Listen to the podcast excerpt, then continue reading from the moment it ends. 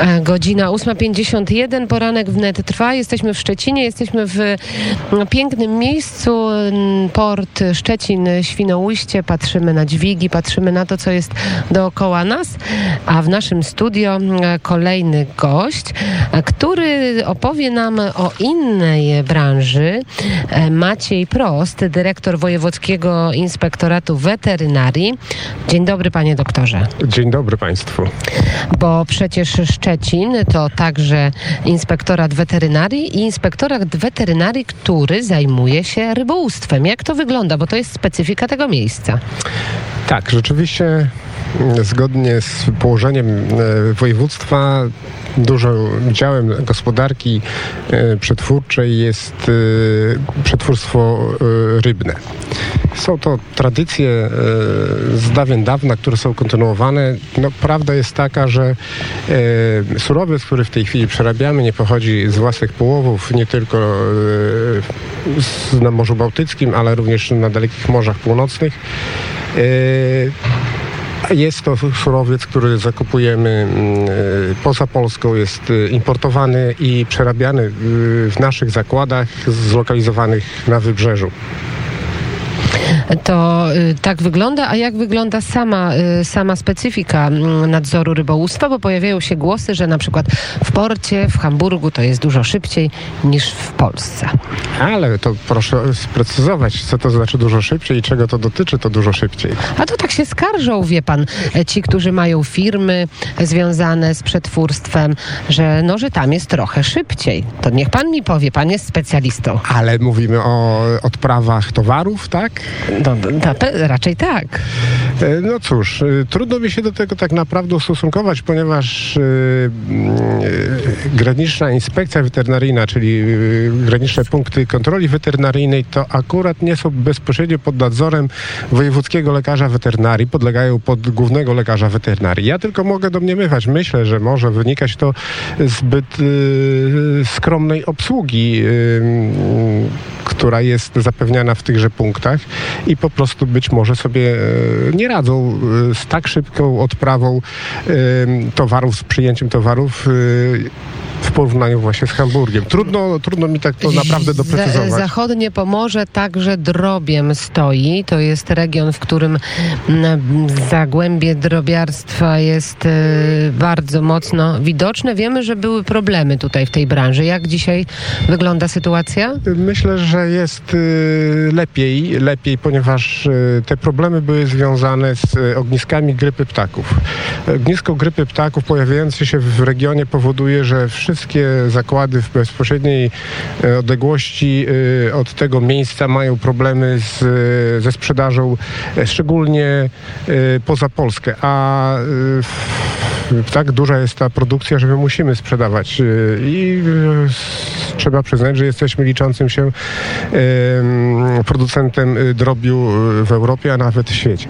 I wracając do tego, co powiedziałem wcześniej, ta sytuacja związana z grypą ptaków powoduje, że konkurencja skrzętnie to wykorzystuje i blokuje dostęp do naszych produktów, które są konkurencyjne. Jak to robi konkurencja?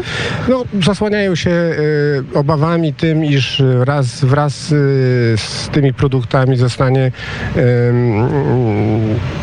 przesłany, powiedzmy w ten sposób, e, wirus grypy i dojdzie do rozprzestrzeniania tej choroby e, w tych państwach, do, do których e, sprzedajemy produkty drobiowe. Mówimy tutaj o, y, o Zagłębiu tym, y, ale jeżeli spojrzymy także na mm, eksport, na tą branżę, to jednak bardzo mocno wchodzi tutaj kapitał niemiecki, panie doktorze. Jeśli chodzi o drób, Tak?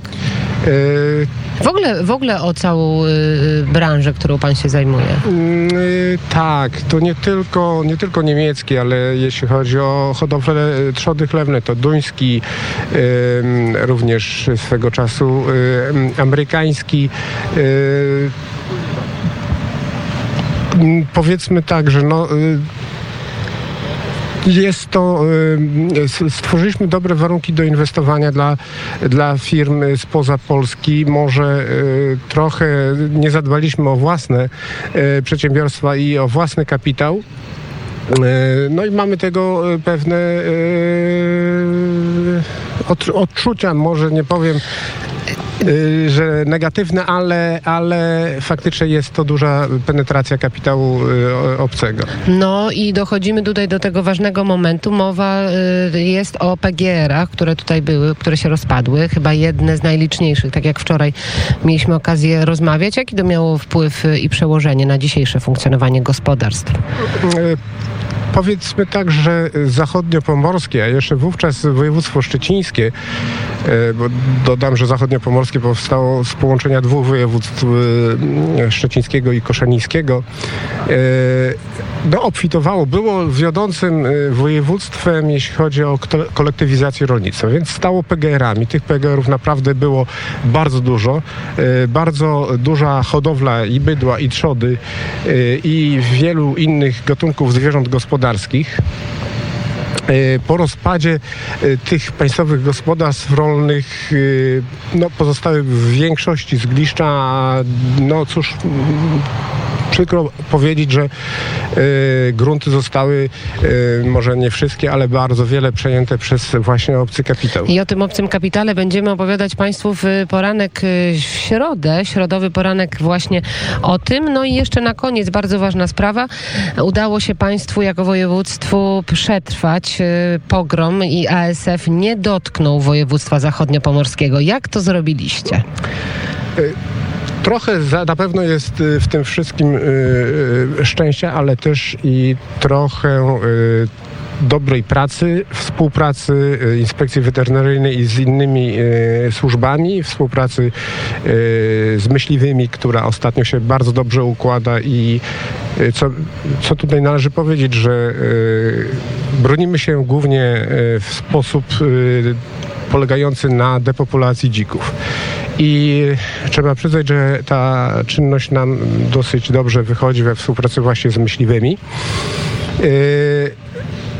Charakterystyka naszej produkcji y, trzody jest taka, że nie mamy drobnych gospodarstw. Mamy... I to jest może recepta. I to pewnie jest recepta, dlatego że y, te produ ta produkcja trzody, ta hodowla trzody jest zlokalizowana w dużych fermach wielotysięcznych, y, ale charakteryzują się one bardzo dobrym zabezpieczeniem, tak jak mówimy, bioasekuracją i sądzę, że to jest też przyczynek do tego, że nam się to udaje i mamy ciągle strefę białą, jeśli chodzi I ostatnie, o I ostatnie y, pytanie.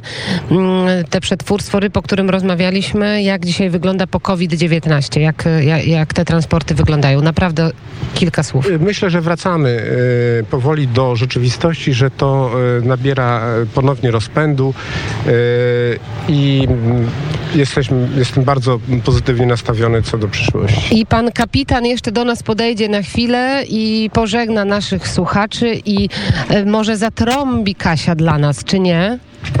Tak? Zatrąbimy? No oczywiście, jeżeli słuchacze y, będą się usaty czuli usatysfakcjonowani wizytą w Szczecinie, to, to oczywiście zatrąbimy. Ale nie wiem, czy nas widzą panowie. Widzą panowie z Kasi, w, w Kasi także... tak, to...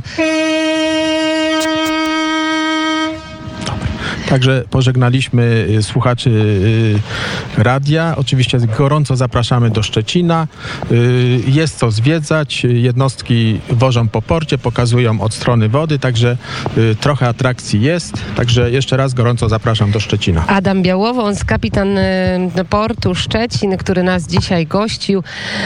Bardzo. A co to jest za napis Harbor Masters Office? No Harbor Master to jest kapitan portu, biuro kapitana portu. A, a, dlaczego po angielsku? No dlatego, że statki pływają i w języku Ale po polsku tutaj jeszcze na dole powinno być, panie, po, panie pośle, Namal, namal, Namalujemy.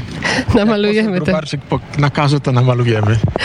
Dobrze. Y, Adam Białowąs. My, drodzy państwo, żegnamy się na kilka chwil z państwem. Jutro zapraszamy także na poranek ze Szczecina, ale już będziemy mówić więcej o stoczniach. Będziemy mówić więcej o porcie. No, Piękna pogoda, drodzy Państwo, jest w Szczecinie. Proszę nam nie zazdrościć, tylko się uśmiechnąć.